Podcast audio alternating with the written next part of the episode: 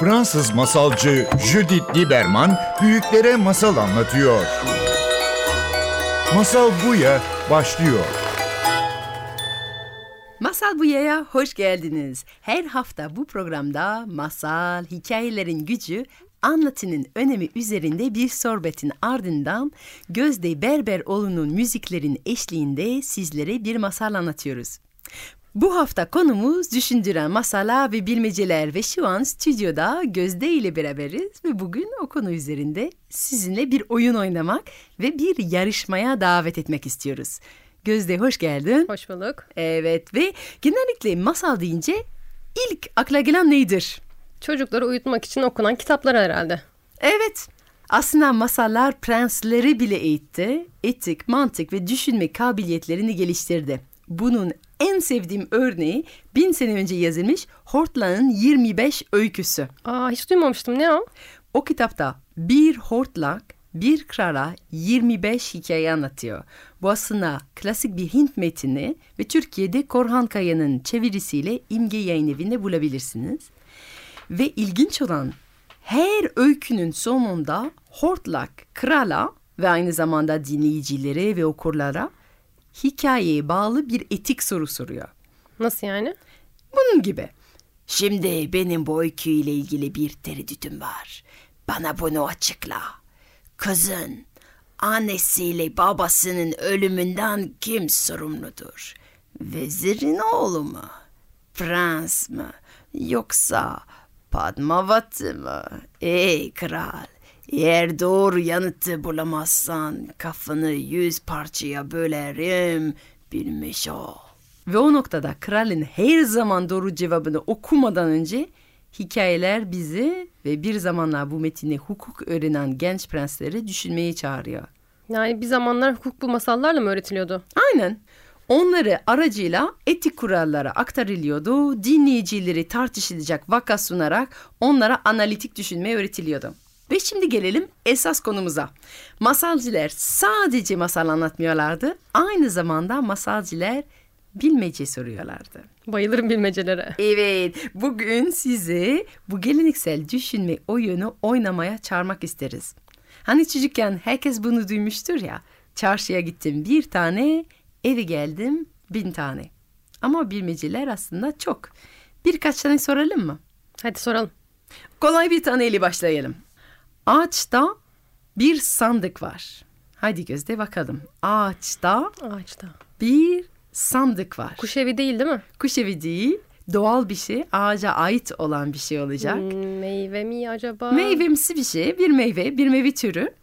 Ağaçta bir sandık var Dur ama dur kabuklu bir şeyler geliyor aklıma. kabuklu, kabuklu bir şey. Fındık evet. mı? Fındık gibi ama daha sandık. Ceviz o zaman, ceviz. Tamam, evet. bildik. Ağaçta bir sandık var, ceviz. Ve aslında bu çok güzel değil mi? Yani cevizler tam böyle hazine e, saklayan sandıkları benziyorlar. Var mı sende? Tamam ben bir tane sorayım. Bunu dedem bana çok sorardı çocukken. Bilmece, bildirmece, dil üstünde kaydırmaca. Dil üstünde kaydırmaca. Dil dilin üstüne güzel kelimeler mi kayıyor acaba? Şiirler mi kayıyor? Ha, güzel Ya ama da- değil. ya da dil üstünde Daha basit kayar? düşün. Yiyecek bir şey. Çorba. Yaklaştın. Ya da e, kayan ne olabilir ki? Dil üstünde kaysın şöyle. Hmm. Hmm, Yazın yenir soğuk soğuk. Aa, dondurma. Evet bravo. Tamam. Hadi Bende sen de. bir tane var. Adımı söylersen yok olurum. Adımı söylersen yok olurum. Dene istersen adımı söyle yok olur muyum bir bak. Böyle yokluk gibi bir şey ama. Yokluk az olan bir şey. Özellikle şehirde nadir bulunan bir şey aslında. Ha, Adımı söylersen yok olurum. ses gürültü gibi mi? E, Ses ve gürültü şehirde çok ama şehirde Sessizlik az olan sessizlik. Evet aynen. Sessizlik kelimesi söylediğimiz anda sessizlik yok oluyor. Tamam deminkine benzer bir tane daha sorayım o zaman. Bilmece, bildirmece, el üstünde kaydırmaca. El üstünde kaydırmaca. El üstünde ne kayar? Krem kayar. yani kış mi? hemen e, krem sürüyoruz. Ellerimize ne sürüyoruz? Onun gibi ama başka Yani- bir şey. Krem sürüyoruz, yüzük takıyoruz. Ellerimiz O üstüne da ne kayıyor aslında yapıyoruz? evet doğru diyorsun ama Eee cevap bu değil. E, su kayıyor. Su ya da e, Suyla beraber kullandığımız bir şey. Sabun. Evet. Sabun. Evet. Ben bir tane sorayım. Yatarsan biz kalkarız. Kalkarsan biz yatarız. Gecelik. Gecelik o da güzel. Gecelik ama e, yatarsan biz kalkarız. Gecelik kalkmıyor sen yattığın zaman. Sen yattığın zaman belki sana ait olan bir çiftçe kalktığını düşünebilirsin. Sen uzandığında Ayak. ayak evet biz yatağa girdiğimiz zaman ayaklarımız dikey pozisyona çıkıyor. Biz kalktığımız zaman ayaklarımız yatıyor, yere vuruyor. Evet, şimdi bu bilmeceler benim için çok değerli. Çok şiirseller, çok güzeller, eğlenceliler. İnsanları bir araya getiriyorlar, sosyal bir aktivite veriyorlar. Ama benim için ayrı olarak bu bilmecelerin cevaplarına baktığım zaman onların bir ortak bir yönü görüyorum. Yani baktığımız zaman sessizlik, ayak, ceviz, dondurma, sabun bu şeyler nasıl şeyler? Çok sıradan şeyler değil mi? Aslında hepsi günlük hayatımızda olan şeyler. Aynen öyle. O kadar günlük hayatımızda yer alan şeyler ki onlara değer vermemeye başlıyoruz. Her gün kullandığımız şeyler görmezlikten geliyoruz biraz. Değer vermemeye başlıyoruz ve bu bilmeceler, yani bu bilmecelerin cevabı hiçbir zaman sıra dışı bir şey olmuyor. Hiçbir zaman yedi kafalı bir ejderha olmuyor. Her zaman merdiven, işte fincan, çaydanlık, kazak, ayakkabı yani en sıradan her gün gördüğümüz, bir daha gördüğümüz, bir daha kullandığımız, her gün faydalandığımız şeyler. Ve ben şey düşünüyorum. Tabii ki bir oyun, aynı zamanda tabii ki bir düşünme alışkanlıktır. Yani bizim düşünme kabiliyetimizi geliştiren bir alıştırmadır.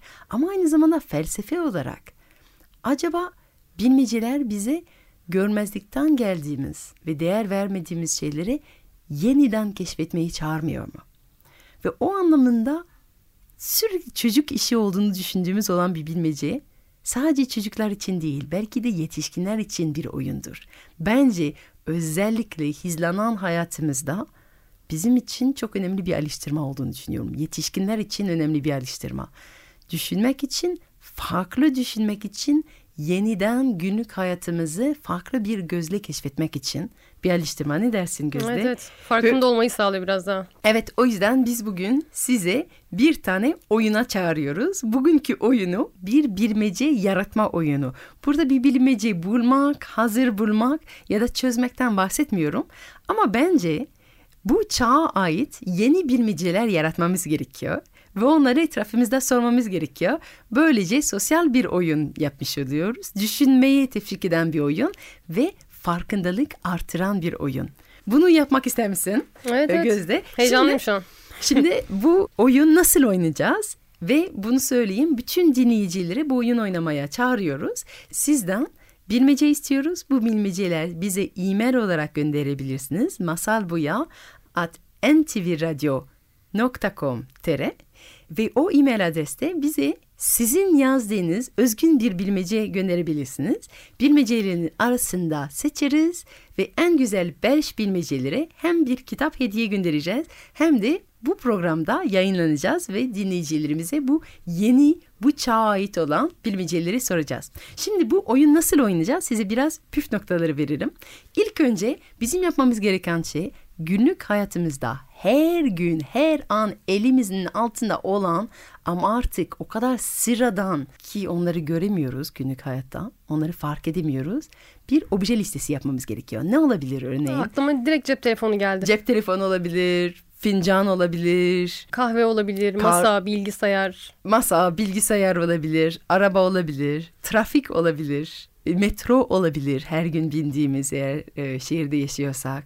Böyle bir liste ve bu zaten kendi başına güzel bir egzersiz. Yani her gün kullandığım, her gün faydalandığım ama o kadar sıradanlaştı ki onu görmemeye başladığım şeyler nedir etrafımda? Bu bir farkındalık oyunu. Şimdi listemi yaptım. Bir tanesi seçiyorum. Hangisini seçsek örneğin? Ee, Telefonla başlayalım. Telefonla başlayalım diyelim. Çünkü bu ilk aklımıza gelen olanı. Ve şimdi bir tanesini seçtik ve onun her tür özellikleri saymaya başlayacağız. Telefon hakkında sıradan ve sıra dışı olan ne tür özellikleri biliyoruz. Örneğin telefon Yani bizi uzakta olan insanlara konuşmaya yardım eder. Göremediğimiz insanlara bağ kurmaya yardım eder.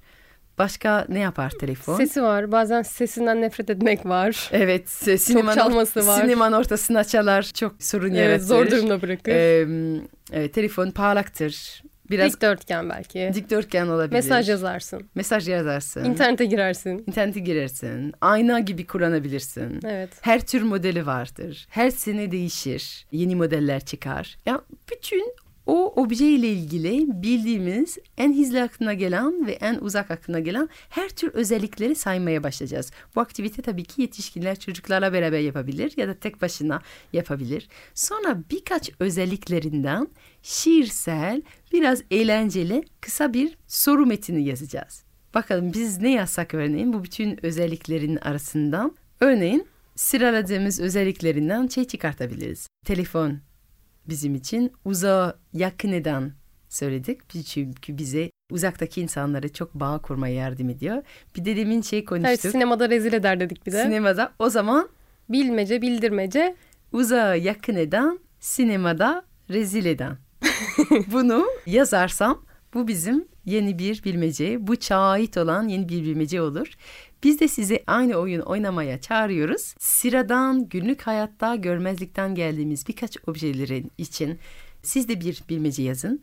Onu bize gönderin. Masalbuya at ntvradio.com.tr adresinde bu bilmeceler gönderebilirsiniz. Mutlaka isminiz, adresiniz de gönderin. O bize gönderilen bilmecelerin arasında 5 tanesini seçeriz ve size bir tane kitap ödülü göndeririz. Aynı zamanda sizin bilmeceleriniz adınızla beraber bu radyo programda yayınlanırız ve paylaşırız bizim dinleyicilerimizle beraber. Umarım bizimle oynamaya istersiniz ve şimdi daha fazla uzatmadan Masal bu ya da Yetişkinleri Masal Saati başlıyor. Sizinle bir tane düşündürmeyi teşvik eden masal paylaşacağız. Konuşmayan Prensesin Masalı.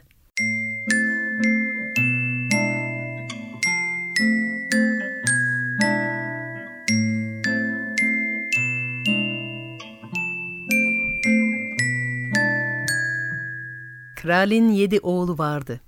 Gitmey vakti gelince onları başucuna toplayıp onlarla şöyle vedalaştı. Öte taraftan beni çağırdıklarını duyuyorum. Uzun zamandır. Artık daha fazla bekletmeyeceğim. Bu son yolculuk için hazırım. Size kraliyetimi bırakıyorum. Hayatım boyunca kendimi bu ülkenin hükümdarı değil, onun bahçıvanı olarak gördüm. Ona iyi baktım, onu sevdim, ona hizmet ettim. Ve şimdi bereket her köşede gül açıyor. Güneş hiç eksik olmuyor. Gülen çocuk sesleri sokakları dolduruyor.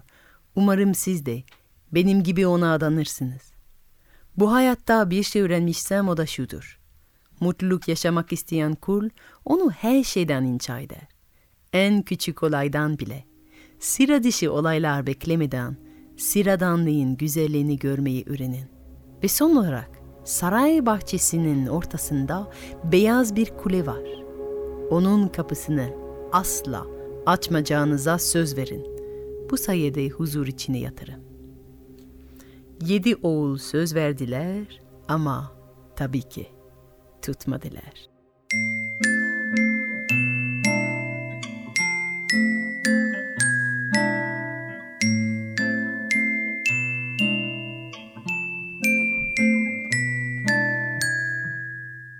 On üç gece boyunca en büyük oğlu ay ışığında parlayan beyaz kuleyi merakla seyretti. On dördüncü gece dolunayda çıkıp kulenin mavi kapısını açtı. İçinden bir ceylan çıkıp koşmaya başladı. Şimşek gibi uzaklaştı ama prens en hızlı atın üzerine binip onu takip etti. Sonunda ceylan onu bir şehre kadar götürdü. Prens o sabah şehre girdi. Bir sonraki sabah kellesi sarayın dış duvarında asılı duruyordu.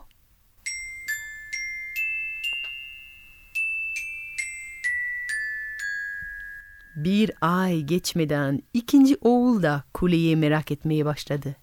O da kuleyi 13 gün ay ışığında seyretti.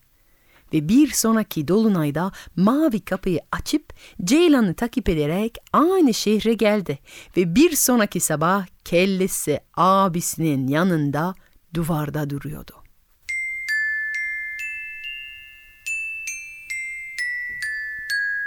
Ve böylece her ay bir prens beyaz kulenin mavi kapısını açıp içinden çıkan Ceylan'la beraber aynı şehri, aynı sonu bulmaya geliyordu.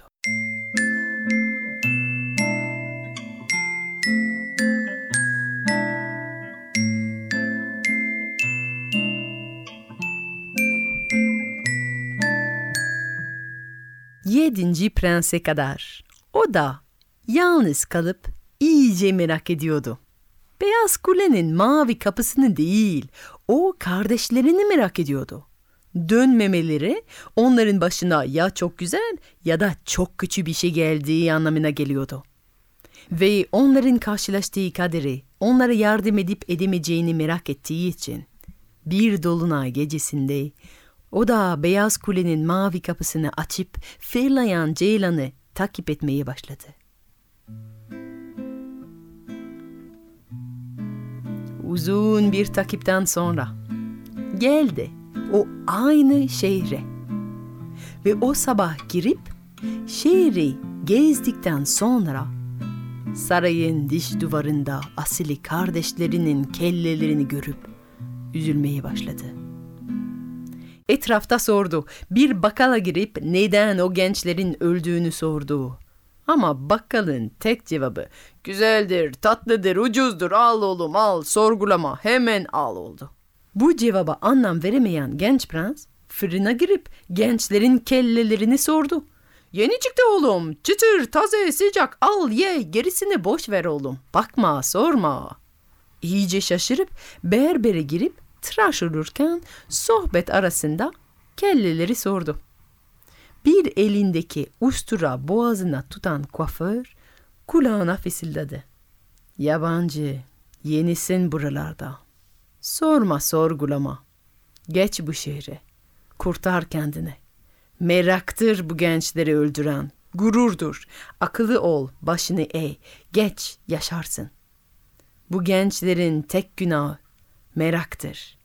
Bizim sarayda bir prenses var. Senelerdir tek bir kelime konuşmadı. Kralımız da onu konuşturabilen bir yabancı genç ile evlendirmeye niyetli. Ama bir gece onunla geçirip onu konuşturamayan bir sonraki sabah gördüğün gençler gibi olur. Sen akıllı ol. Merak etme, geç yolunu. Senelerdir kaç genç meraktan öldü. Onlar yapamamışsa sen de yapamazsın. Kendini farklı zannetme.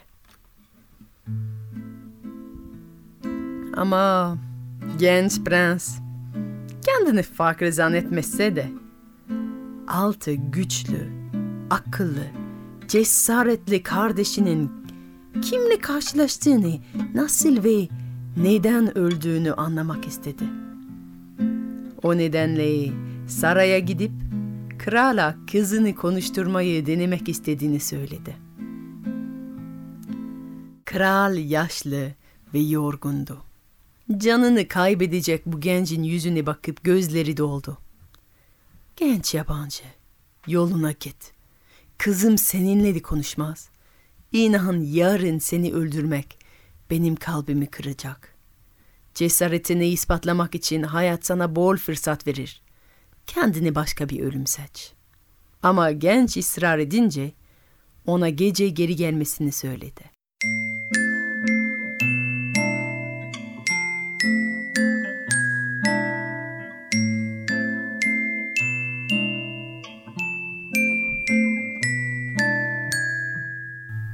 Akşamı beklerken genç prens sarayın bahçesini gezdi. Bir ağacın altında oturup yuvadan düşmüş genç bir bülbül gördü. Şefkatli ellerle onu alıp titreyen bedeni bir an kalbine yakın tutup ısıtıp sakinleştirdikten sonra onu yuvaya yerleştirdi. Tam o an annesi geldi. Yavruma kendininki gibi baktın. Gönlü temiz insan ben sana yardım ederim. Akşam konuşmayan prensese gittiğinde mumluğun dibinde yerleşirim. Seninle konuşmayınca benimle konuş. Bakarız. Belki de bir gün daha yaşamana sebep olurum. O zaman mutlu olurum. Akşam prens iki muhafızla beraber prensesin evine girdi. Muhafızlar perdelerin arkasında saklanıp onları dinliyor. Prensesin söyleyeceği ve prensin hayatını kurtarabilecek tek bir kelime bekliyorlardı.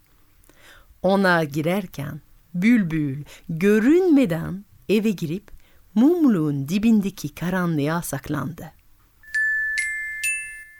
Prens girip prensesi selamladı, hatırını sordu ama prenses pencereden bakıp ona yüz çevirmedi bile. O zaman prens yüksek bir sesle Merhaba ev, seni de selamlıyorum. Merhaba kapı, merhaba pencere, merhaba mum. Ve mumdan bir cevap. Merhaba temiz kalpli prens, hoş geldin bu duvarların arasında. Prenses şaşırıp döndü, kaşları fırladı ama tek bir kelime söylemedi. O zaman bülbül devam etti. Prens, madem gelmişsin ve bir gece beraber geçireceğiz, izin ver de bir zamanlar kör bir aşıktan duyduğum bir masalı anlatayım. Vakit geçer, kendimizi eğiliriz. Prens oturup muma bakıp dinlemeye başladı.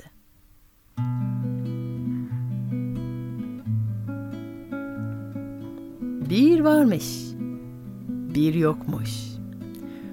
Uzak bir diyarda yolu paylaşan üç yolcu gece atlarına ve eşyalarına zarar gelmesin diye nöbet tutuyorlar.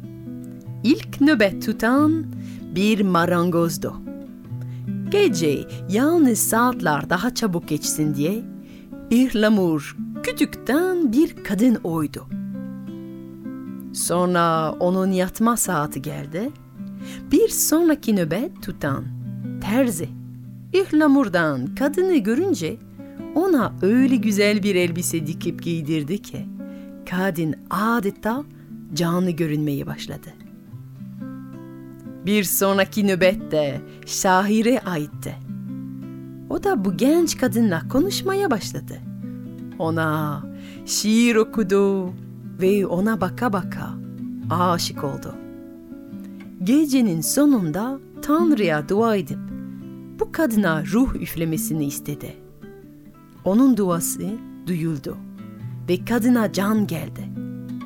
Sabah tabii ki üç yolcu tartışmaya başladılar. Her biri bu kadını kendi yarattığını düşünüyordu. Ya sence prens? Bu soruna nasıl bir cevap bulursun? Prens hemen cevapladı. Tabii ki marangoz. Sonunda ter ile onu hiçten kendi hayalinden yarattı. Birden odanın karanlık köşesinden bir ses yükseldi. Prens, ne dediğini bilmiyorsun. Aman aman kim konuşuyor? Marangoz bu kadını bir düş olarak yarattı. Terzi ise katkısı çok az.